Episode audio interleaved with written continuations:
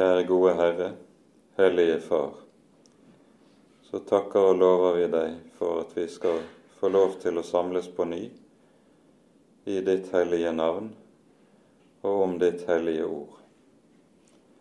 Takk, Herre, for løftet om at du selv kommer til oss i og gjennom Ordet. Og Derfor ber vi deg, Herre, at du vil gi oss den stillhet som er slik at du også kan få oss i tale, og at dine ord kan få gjøre sin gjerning i våre hjerter og i våre liv. Herre, forbarm deg over oss. Amen.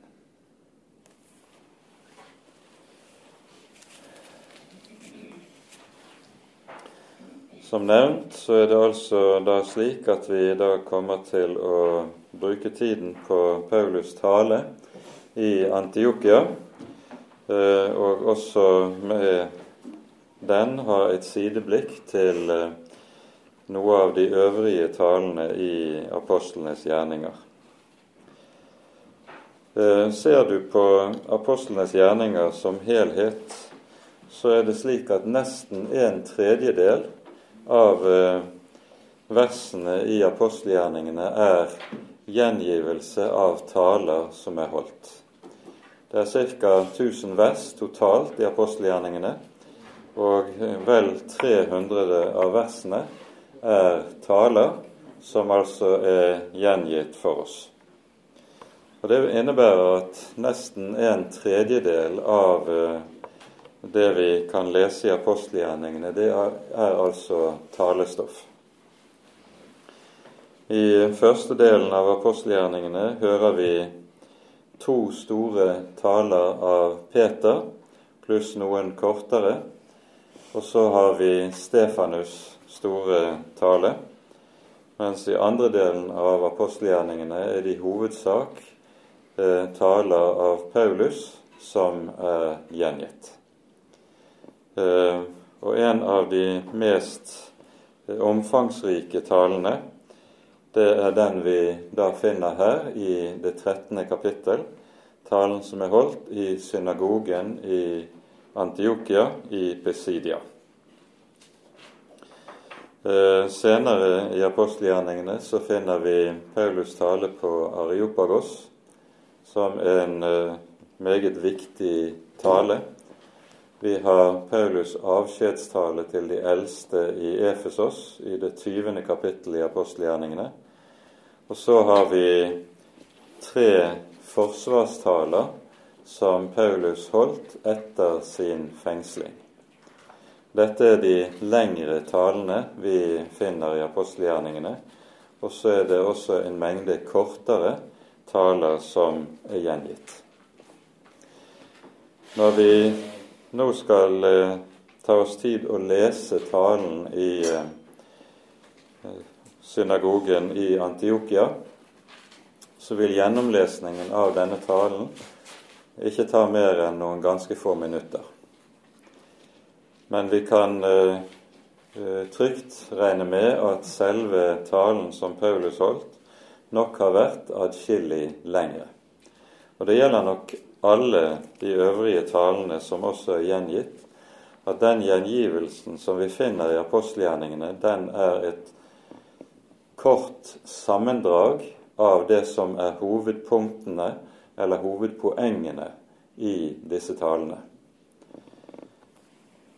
Og når Lukas gjengir også taler han selv helt sikkert ikke har hørt, så er det fordi disse er blitt bevart i minnet etter sine hovedpoenger hos de som hørte det, og så har Lukas, som den som har reist for å gjøre seg kjent med historien først til den Herre Jesus, sånn som vi finner det i Lukasevangeliet, og deretter historien til den eldste menigheten i Jerusalem, sånn som vi leser det i apostelgjerningene, så har han fått dette referert og gjengir det, slik han har fått det referert i hovedpunkter.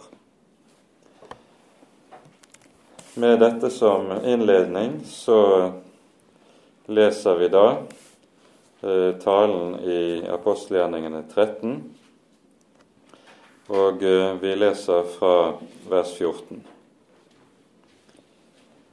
De andre dro videre fra Perge og kom til Antiokia i Pesidia. De gikk inn i synagogen på sabbatsdagen og satte seg der. Etter opplesningen fra loven og profetene sendte synagogeforstanderen bud til dem og sa:" Brødre, har dere et formaningsord til folket, så tal. Paulus sto da opp og slo til lyd med hånden og sa:" Israelittiske menn og dere som frykter Gud, hør.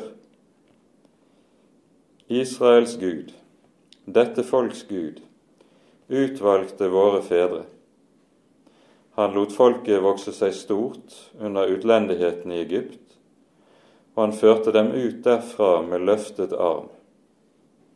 I en tid på omkring 40 år bar han dem på faderarm i ørkenen. Han utryddet syv folkeslag i Kanans land og skiftet deres land ut til arv for dem. Og etter dette ga han dem dommere i omkring 450 år, inntil profeten Samuel. Deretter ba de om en konge, og Gud ga dem Saul, sønn av Kis, en mann av Benjamins stamme, i 40 år. Etter at han hadde avsatt ham, reiste han opp David til konge for dem. Han ga ham dette vitnesbyrd. Jeg fant David, Isais sønn, en mann etter mitt hjerte. Han skal gjøre all min vilje.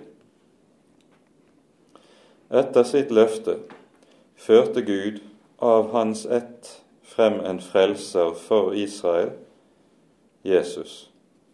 Etter at Johannes før han sto frem, hadde forkynt omvendelsesdåp for hele Israels folk. Men da Johannes var i ferd med å fullføre sitt løp, sa han:" Den som dere holder meg for å være, er jeg ikke. Men se, han kommer etter meg, og jeg er ikke engang verdig til å løse skoene av hans føtter. Brødre, barn av Abrahams ett og de blant dere som frykter Gud. Det var til oss ordet om denne frelse ble sendt. For de som bor i Jerusalem, og deres rådsherrer, kjente ham ikke. Og da de dømte ham, oppfylte de profetenes ord, som blir opplest hver eneste sabbat. Og enda de ikke fant noen dødsskyld hos ham, ba de Pilatus at han måtte bli slått i hjel.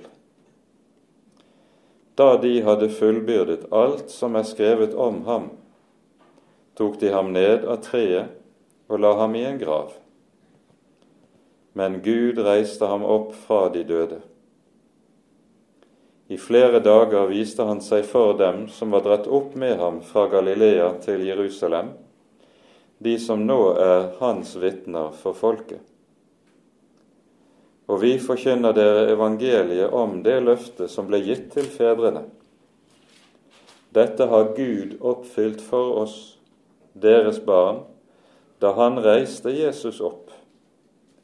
Slik står det jo skrevet i den andre salmen. Du er min sønn, jeg har født deg i dag. Men at han reiste ham opp fra de døde, så han ikke mer skal vende tilbake til tilintetgjørelse. Det har han sagt slik:" Jeg vil gi dere de hellige løfter til David, de trofaste. Derfor sier han også på et annet sted:" Du skal ikke overgi din hellige til å se tilintetgjørelse.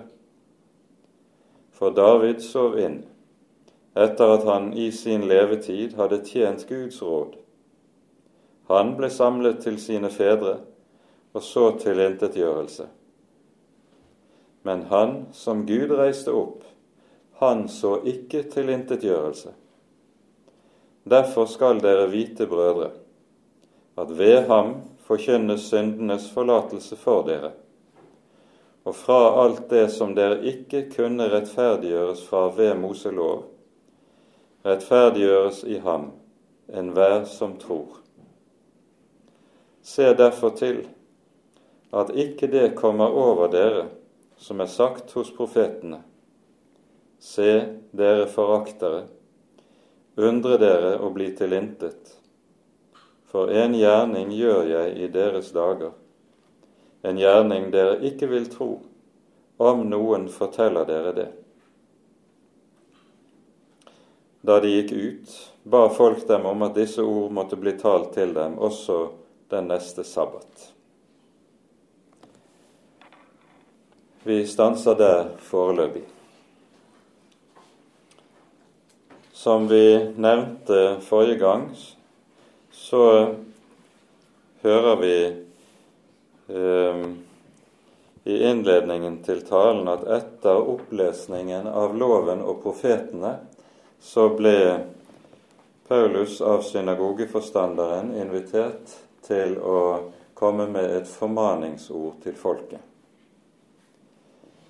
Det var jo slik i synagogegudstjenesten, som det også er den dag i dag, at det var faste tekstlesninger, det faste tekstrekker fra Moselov. Mosebøkene leses i dag igjennom i løpet av ett år under sabbatsgudstjenestene. Den gang så er det mulig at gjennomlesningen av Moseloven eh, forløp over en periode på tre år. Men dette er man uenig om i forskningen. Og I tillegg til dette var det også tekstrekker med lesning fra profetene. I alle fall så var det slik i synagogen som Paulus også formaner eh, Timotius til, som vi hører det i første Timotius brev, legg vind på opplesningen av Skriften. Den hellige Skrift er en ordning som Gud har satt inn i sitt folk, slik at det leses fra Den hellige Skrift når Hans folk er samlet. Og ved det markeres der det helt grunnleggende faktum at Skriften og Guds folk hører uløselig sammen. Og det er det tekstlesningene i enhver gudstjeneste skal understreke, og derfor er tekstlesningene uhyre betydningsfulle i en gudstjeneste. De sier noe mer enn bare det som selve eh, tekstinnholdet i hver enkelt tekstavsnitt eh, inneholder. Noe, det sies noe avgjørende nettopp om forholdet mellom Guds folk og Skriften. Det er to saker som hører sammen, og uløselig sammen. Og Derfor er dette en guddommelig ordning at Hellig Skrift er gitt oss. Så kalles altså Paulus frem, slik som eh, det ikke var uvanlig, og fortsatt heller ikke er uvanlig i dagens synagogegudstjenester, at en lærd eller en legmann med stor tillit kan kalles frem og holde en eh, tale til, med utgangspunkt i dagens tekster.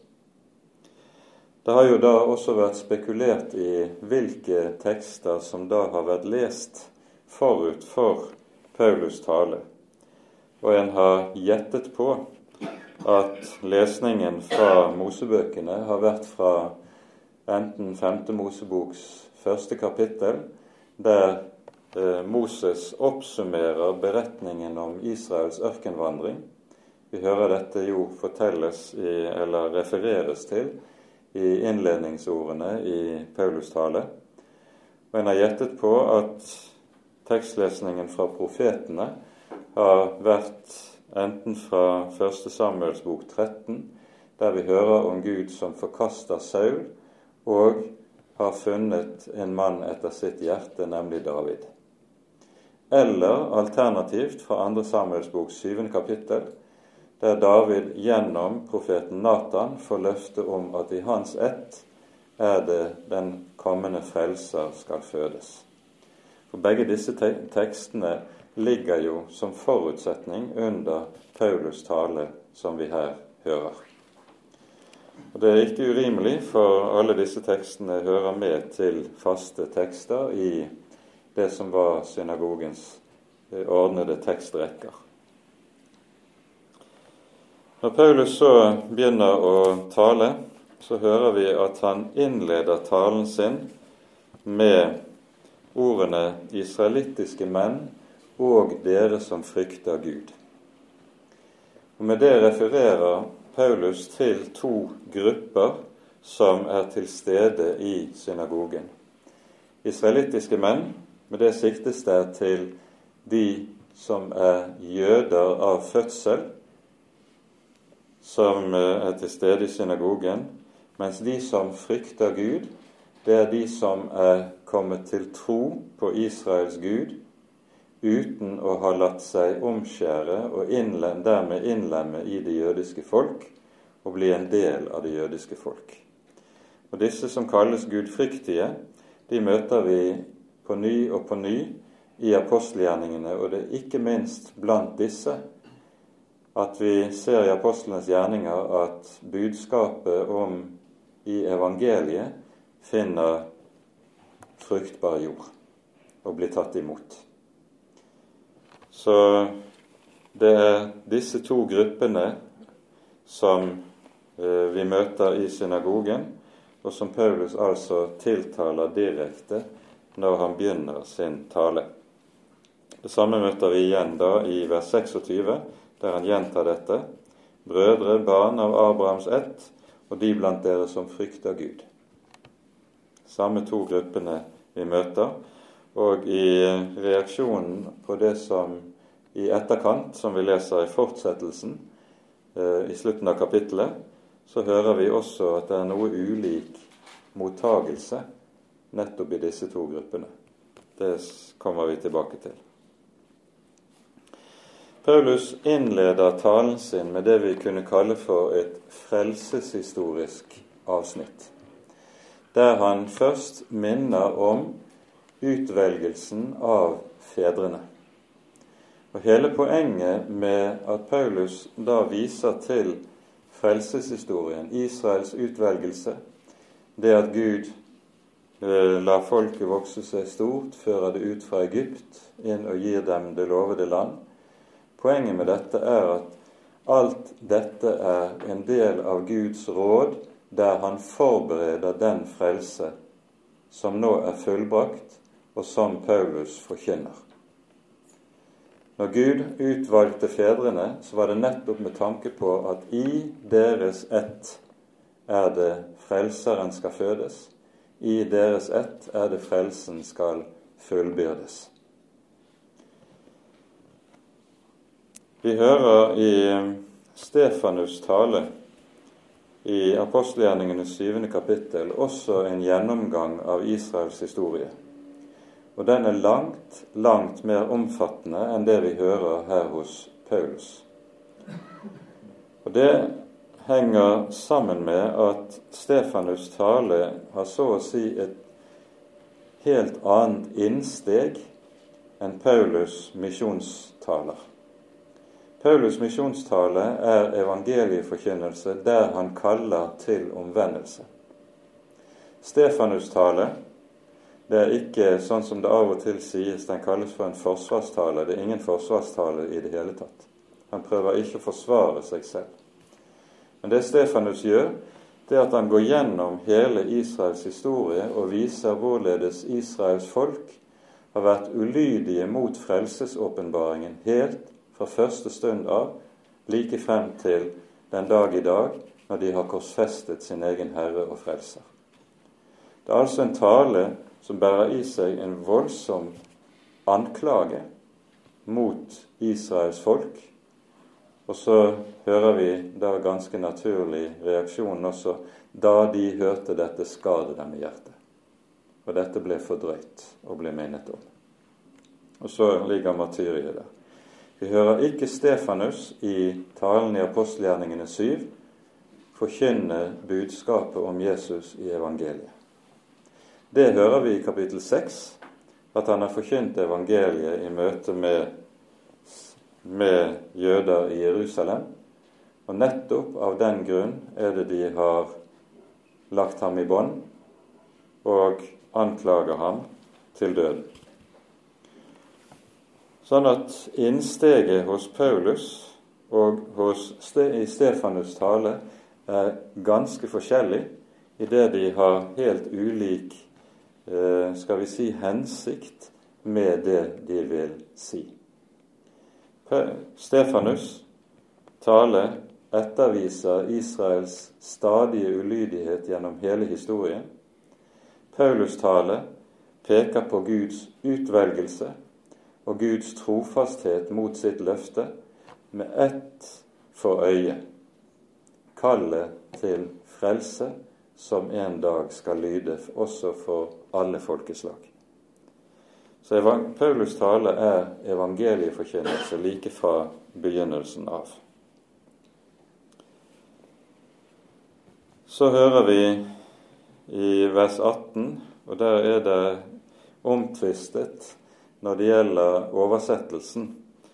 I en tid på omkring 40 år bar han dem på faderarm i ørkenen. Det kan være et sitat fra 5. Moseboks første kapittel vers 31. Men formuleringen, ikke minst hvis man eh, ser det som antagelig er den hebraiske eh, forelegget for dette, det kunne like godt lydd slik I en tid på omkring 40 år måtte han bære over med dem, eller måtte han tåle dem, i ørkenen. Og eh, flere oversettelser eh, oversetter også dette verset på denne måten.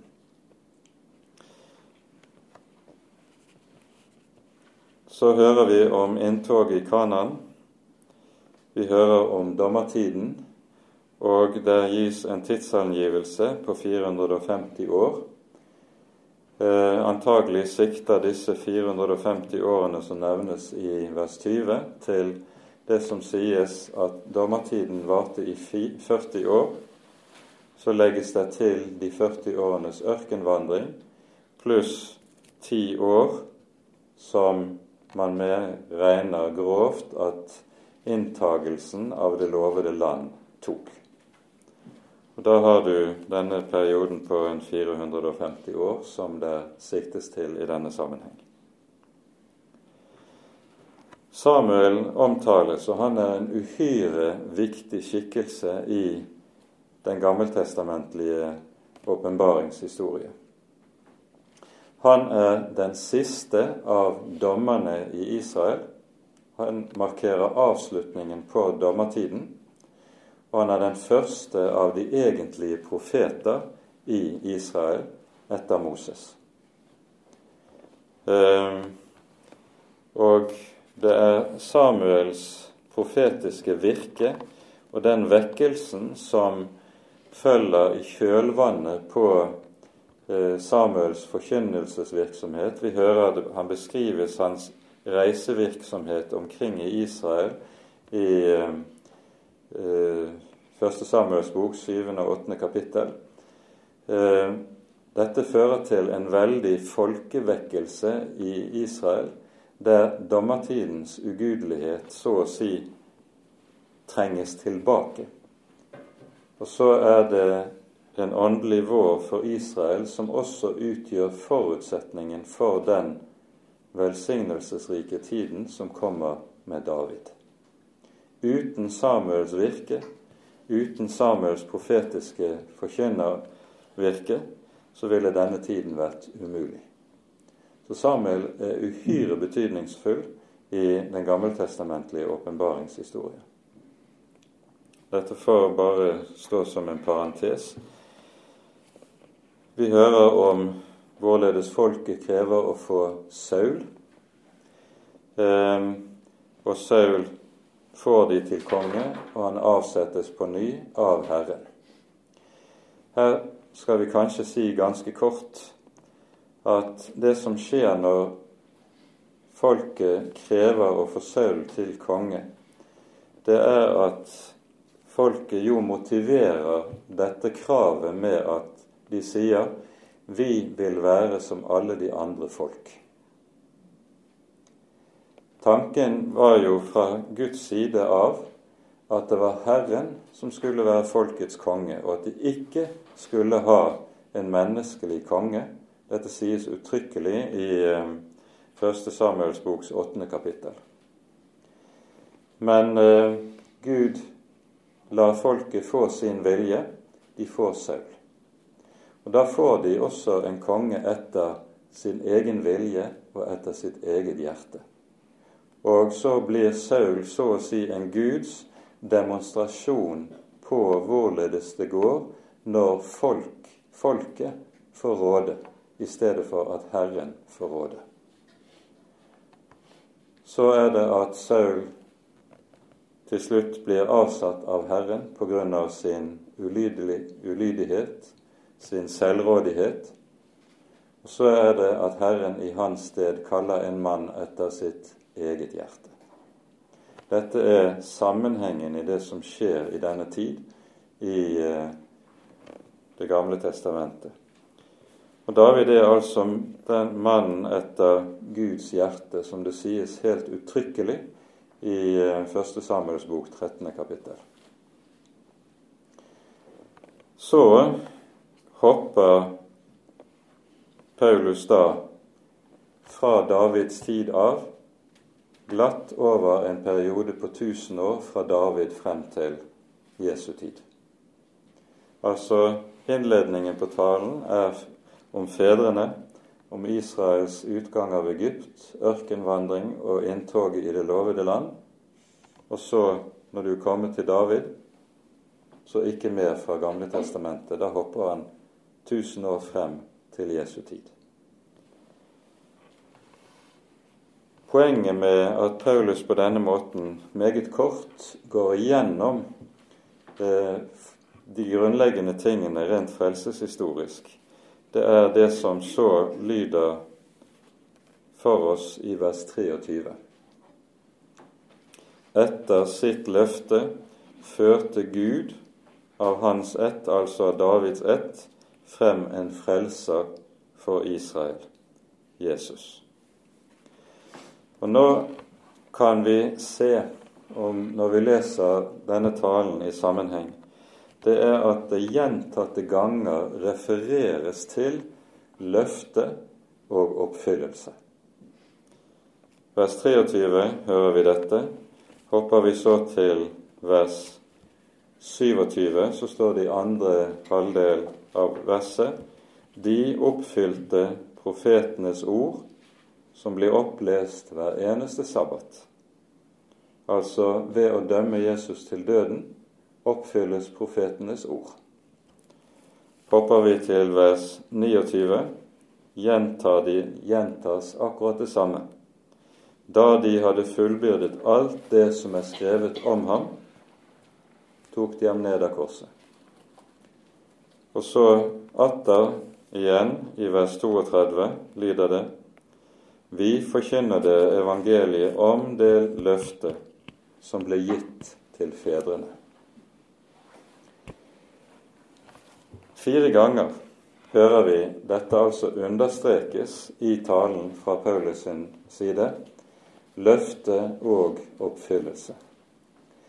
Og med det peker, pekes det på for oss noe som er en grunnstruktur i hele den apostoliske forkynnelse slik vi møter den i apostelgjerningene. Den apostoliske forkynnelsen hvilte på to søyler. Det står skrevet.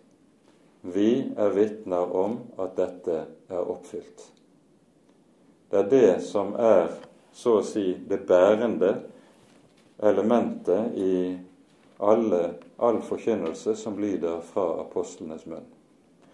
Og Derfor spiller henvisningen til bruken av Den hellige skrift i Det gamle testamentet spiller en helt fundamental rolle i apostlenes forkynnelse. Når evangeliet forkynnes, så forkynnes det ut fra Det gamle testamentet. Og vi minner igjennom det faktum at på denne tid så fantes det ennå ikke noe Nytestamente. det som var Den hellige skrift for den eldste kristne menighet, det var Det gamle testamentet, rett og slett. Og ut fra Det gamle testamentet forkynnes budskapet om Jesus. Ut fra Det gamle testamentet forkynnes evangeliet. Og Dette sier noe helt avgjørende om hvilket forhold den eldste kristne menighet sto i til Det gamle testamentet, og det sier jo ganske meget da også om hvor langt bort vi er kommet fra det som var så avgjørende for den eldste kristne menighet. I det Det gamle testamentet jo er miskjent og mistrodd og ofte overhodet ikke brukes, men snarere kritiseres i mange ulike sammenhenger. Her kan det være betimelig å minne om innledningsordene i Romerbrevet. Det som er Paulus' hovedbrev, og som er det eneste egentlig systematisk oppbyggede skrift i brevlitteraturen i Det nye testamentet. Paulus, når han skal tale om sin tjeneste, så står det i vers 1 og vers 2 i Romerbrevet. Paulus, Jesu Kristi tjener, kalt til apostel, utskilt for Guds evangelium, det som han forut har gitt løfte om ved sine profeter i hellige skrifter. Altså Paulus innleder hele dette sitt hovedskrift med å understreke at evangeliet er noe som allerede er gitt i form av løfte i Det gamle testamentet. Og når vi kommer til avslutningen av romerbrevet, så er det så å si som om Paulus slutter sirkelen og vender tilbake nettopp til det vi her hører. Vi kan gå til Romerne 16 og avslutningsversene der, der hører vi følgende sies fra vers 25. Men ham som er mektig til å styrke dere etter mitt evangelium og forkynnelsen av Jesus Kristus, etter åpenbaringen av det mysterium som det har vært tiet om i evige tider, men som nå er kommet for lyset etter den evige Guds befaling ved profetiske skrifter og er blitt kunngjort for alle folk for å virke troens lydighet. Ham, den eneste vise Gud, ved Jesus Kristus, tilhører æren i all evighet. Amen. Her sier apostelen at budskapet i evangelium er et mysterium. Det er en hemmelighet det er noe som har vært skjult, men det er likevel åpenbart i hellige skrifter. Og det siktes til Det gamle testamentet. Og Når Paulus ordlegger seg slik her, så refererer jo til det som vi hører i Lukasevangeliets 24. kapittel, der Jesus etter oppstandelsen eh, åpenbarer Skriftene. Det står i Lukas 24, vers 44 at når Jesus viser seg for apostelkollegiet som er samlet bak stengte dører, så sies det da opplot han deres forstand, så de kunne forstå Skriftene. Evangeliet, løftet, ligger i de hellige skrifter, men der må en opplatt forstand til for å se det og forstå det. Og Den apostoliske forkynnelse handlet nettopp om dette, at den skulle være ved Den hellige ånd. Det er vis på hvilket Gud åpenbarte Skriftene. Og Det er altså nøkkelen til hele den apostoliske forkynnelse, slik vi finner den og møter den her i apostlenes gjerninger. Dette går igjen hele veien, og legg merke til det. Ta for deg og bruk, ta tid til å lese talene i apostelgjerningene i sammenheng. Så vil du se hvordan dette går igjen stadig.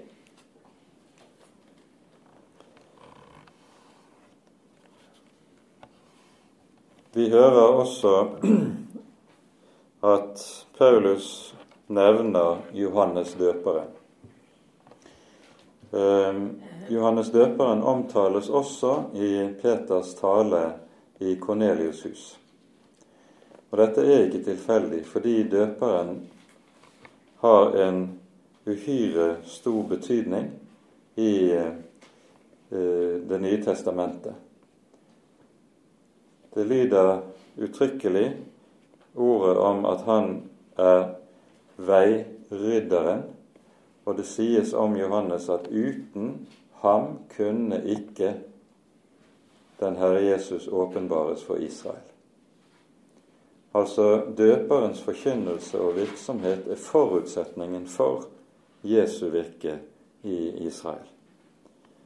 Og Dette er noe som altså ikke underslås i eh, talene i apostlenes gjerninger. Så kommer vi videre. Og nå er det at Paulus, når etter å ha pekt på at Gud har ført frem en frelser for Israel, nemlig Jesus, så fra vers 27 så går Paulus direkte til budskapet om Jesu død og Jesu oppstandelse. Det er så å si kjernen i det budskap, den forkynnelse, som Paulus holder frem. Når vi leser fra vers 27, så ser vi at det understrekes fra vers 27 til 29 at for det første, når Jesus henrettes av folkets ledere i Jerusalem, så er dette et justismord. De finner ingen reell skyld hos Jesus. Og Derfor er det den største synd som skjer gjennom at Jesus korsfestes. Og Samtidig så understrekes det dette er oppfyllelse av Skriften. Dette er oppfyllelse av Guds løfte. Og Dette kan på oss virke paradoksalt. Men slik er det at Bibelen ofte peker på det grunnleggende at Gud, når han styrer historien og styrer sitt folk med sin skjulte hånd, så styrer han også slik at han fullbyrder sin gjerning gjennom ugudelige menneskers hånd. Det er en del av Guds visdom og av Guds allmakt så har Gud altså gitt løfte om dette tidligere. Paulus henviser ikke til de steder i Det gamle testamentet der det sies uttrykkelig en del om den kommende frelsers lidelse.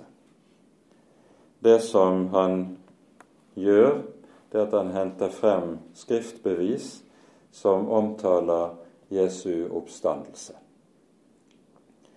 Og Da er det at han henter frem tre skriftord for å belyse hva, unnskyld, hva Jesu oppstandelse handler om. unnskyld.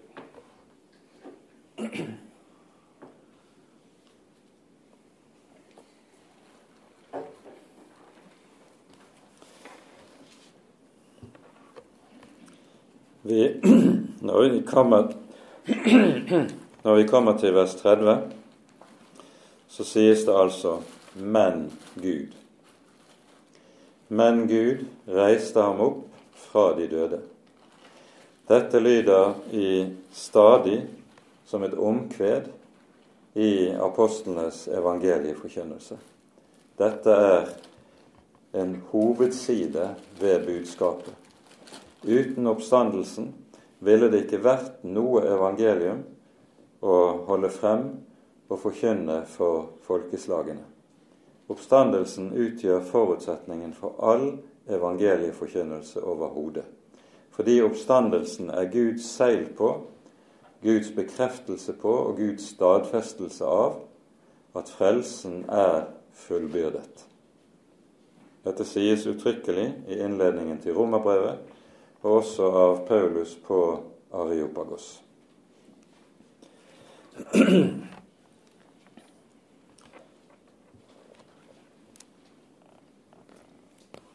Det første skriftsitatet som Paulus henter frem i vers 33, det er fra Salme 2. Salme 2 var i, også i datidens jødedom ansett som en salme som i sin helhet handlet om den kommende Messias. Ehm, den innledes jo med ordene 'Hvorfor larmer hedningene og grønner folkene på det som fåfengt er'? Jordens konger rådslår sammen mot Herren og mot Hans salvede, altså mot Hans Messias. Så innledningen på salmen, den taler om hvorledes de mektige rådslår mot og ønsker å kvitte seg med Herrens salvede. Og den siden ved budskapet i Salme 2 hører vi omtalt i apostelgjerningene kapittel 4, der vi hører hvorledes den menigheten samdrektig ber til Herren mens de leser, fordi de kan utenat Salme 2, så leses dette som denne salmen som en del av menighetens bønn. Paulus siterer altså ikke innledningen til salmen, men går, stiger inn lenger nede i salmen.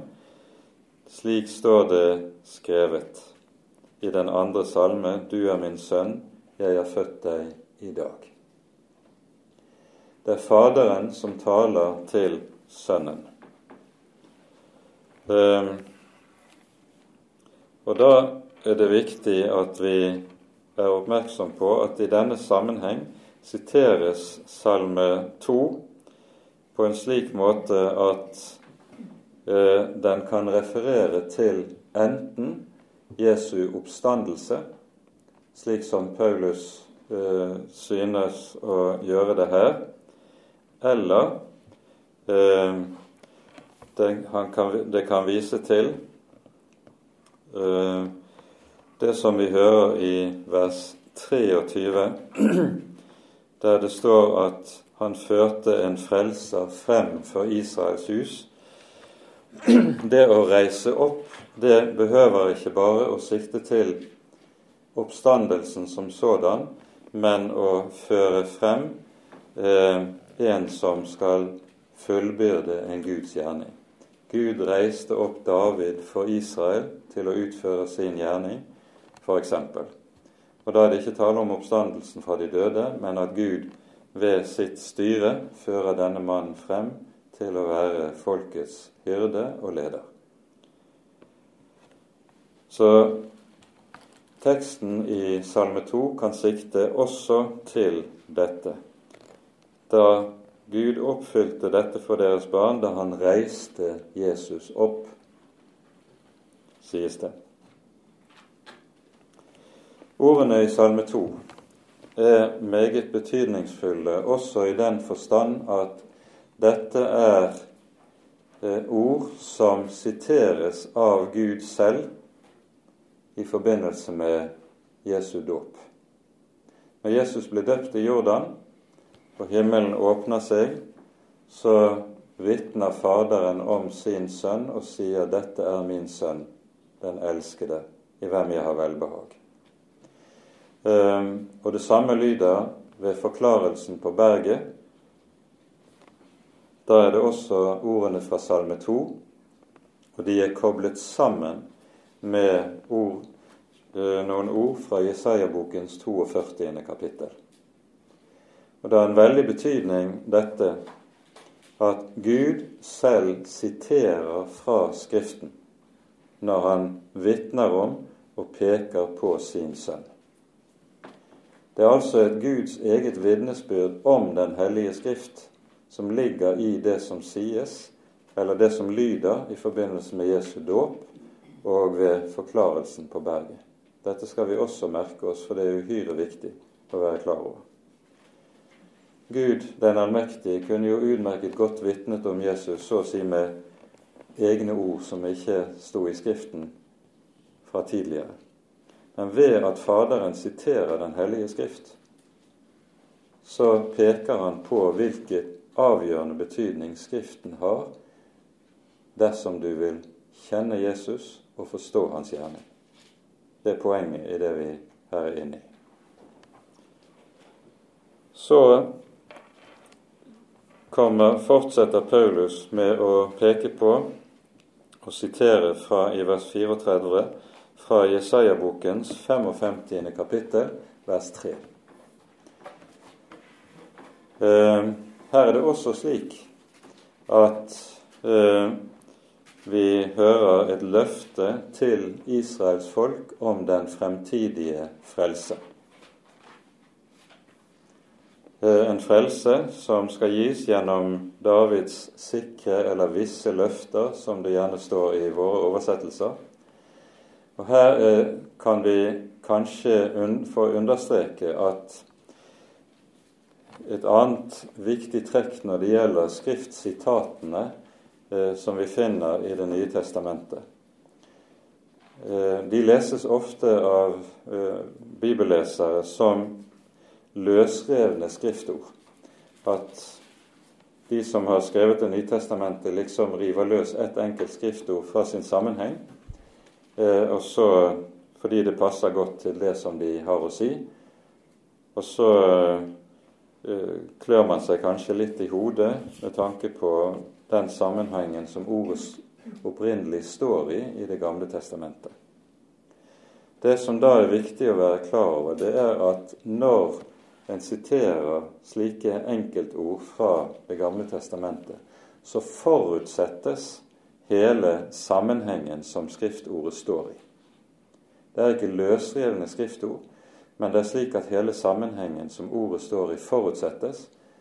Og når eh, disse ordene siteres fra, som i en tale, sånn som vi hører Paulus gjør det her, så siteres det for en forsamling av fromme jøder som kjenner Det gamle testamentet, og som vet meget godt hva det er Paulus taler om. For Jesaja 55 er jo et kapittel som innledes med en meget sterk evangelieforkynnelse. Når vel, alle dere som tørster, kom til vannene. Og dere som ingen penger har, kom, kjøp og et, uten penger og uten betaling, vin og melk. Og så kommer spørsmålet i neste vers. Hvorfor veier dere ut deres betaling for det som ikke kan mette? Hvorfor veier dere ut penger for det som ikke kan redde? Altså, hvorfor skal man på død og liv tenke som så at det er vår, vårt bidrag som skal hjelpe oss til forløsning? Nei, sier Herren, kom uten penger og uten betaling. Og så i neste verset, hør, så skal dere leve. Bøy deres øre hit og hør på meg, så skal dere ete det gode. Og jeg vil gi dere Davids løfter, det visse. Det er altså ord som eh, på en meget klar og sterk måte holder frem hva evangeliet er. Evangeliet er ikke knyttet til loven og til menneskets fortjeneste, men det er knyttet til et løfte om at Herren gir for intet. Og dette, Hele denne sammenhengen er altså forutsatt når Paulus taler som han vi her hører han gjør. Det siste skriftordet som Paulus så viser til, fra vers 35, det er hentet fra Salme 16. Og vi hører hvorledes Paulus argumenterer for utleggelsen av Salme 16, at Salme 16 er en tekst som viser til Messias. David er jo nemlig død, og når det sies i salmen 'Du skal ikke overgi din hellige til tilintetgjørelse', så sier Paulus dermed er det jo klart at dette ordet slett ikke kunne sikte til David, men må sikte til han som ikke så tilintetgjørelse, men altså ble reist opp fra de døde, nemlig Jesus. Og Når Paulus her siterer fra Salme 16, så gjør han nøyaktig det samme som Peter også gjorde på pinsedag. Så her har vi en veldig sterk bånd mellom Peters tale på pinsedag og Paulus tale her. Og vi skjønner at eh, her er det tale om ord fra Det gamle testamentet som helt tydelig har vært sentrale i den eldste kristne forkynnelse av, om Jesu person og Jesu gjerning. Så avslutter Paulus talen med to ting. Først vers 38 og vers 39 så drar Paulus konklusjonen av det han nå har holdt frem når han har pekt på Jesu gjerning i hans død og hans oppstandelse. Derfor skal dere vite, brødre, at ved ham forkynnes syndenes forlatelse for dere. Og fra alt det som dere ikke kunne rettferdiggjøres fra ved Moselov, rettferdiggjøres i ham hver den som tror. Og Med dette så møter vi et grunntema i Paulus brev. Dette som vi her hører, det er jo det Paulus taler om i Romerbrevets tredje og fjerde kapittel. Det er det Paulus taler om i, ikke minst i Galaterbrevet. Det er hovedtema i Paulus' evangelieforkynnelse. Frelsen, syndenes forlatelse, er ikke knyttet til og avhengig av Moselov, men troen på den Herre Jesus. Det er for intet uten penger og uten betaling. Når Paulus taler som han her gjør, så er dette også noe som vi hører hos Peter i hans tale i Kornelius' hus. Ved ham forkynnes syndenes forlatelse for hver den som tror på hans navn. Så lyder det i Kornelius' hus. Da de hørte dette, falt Den hellige ånd på alle dem som hørte ordet. Altså, det er et budskap om syndenes forlatelse som er så å si det grunnleggende kjennetegn ved den nytestamentlige forkynnelse. Slik Det gamle testamentet taler, så er syndenes forlatelse noe som er Guds ene rett. Det er derfor fariseerne eh, blir vrede på Jesus når han sier til den lamme som fires ned foran ham, i, som vi hører om i Markus 2, dine synder er deg forlatt. Så blir fariseerne harme og sier denne mannen spotter Gud. Men så snur Jesus dette og sier og peker på at selve hans, den fullmakt som ligger i hans helbredelse, den vitner om den guddommelige fullmakt som er han gitt, ovenfra, nemlig til å tilgi synder. Det hebraiske ordet som anvendes i Det gamle testamentet for å tilgi synd, det er verbet 'salah'. Det er et verb som akkurat som det grunnordet for å skape, som vi møter i eh, skapelsesfortellingen i Første Mosebok, det er et verb som utelukkende brukes med Gud som subjekt i Det gamle testamentet. På denne måten så understrekes det dette i det hebraiske språk at synstilgivelse det er noe som er Guds enerett. Det er noe som bare den allmektige og hellige alene kan gi. Og Det som dermed sies om Kristi person, at i Hans navn deles det ut syndenes forlatelse, så sies det med det noe helt avgjørende om hvem Jesus er. Det er altså et grunnleggende vitnesbyrd om det vi kaller inkarnasjonen, det er kristologien, det er Kristi guddom. Det er på grunnlag av hans gjerning og hans person at synd kan tilgis, og at vi kan bli rettferdige for Gud. Talen avsluttes så med en advarsel, som er et sitat fra profeten Habakuk det første kapittelet. eh,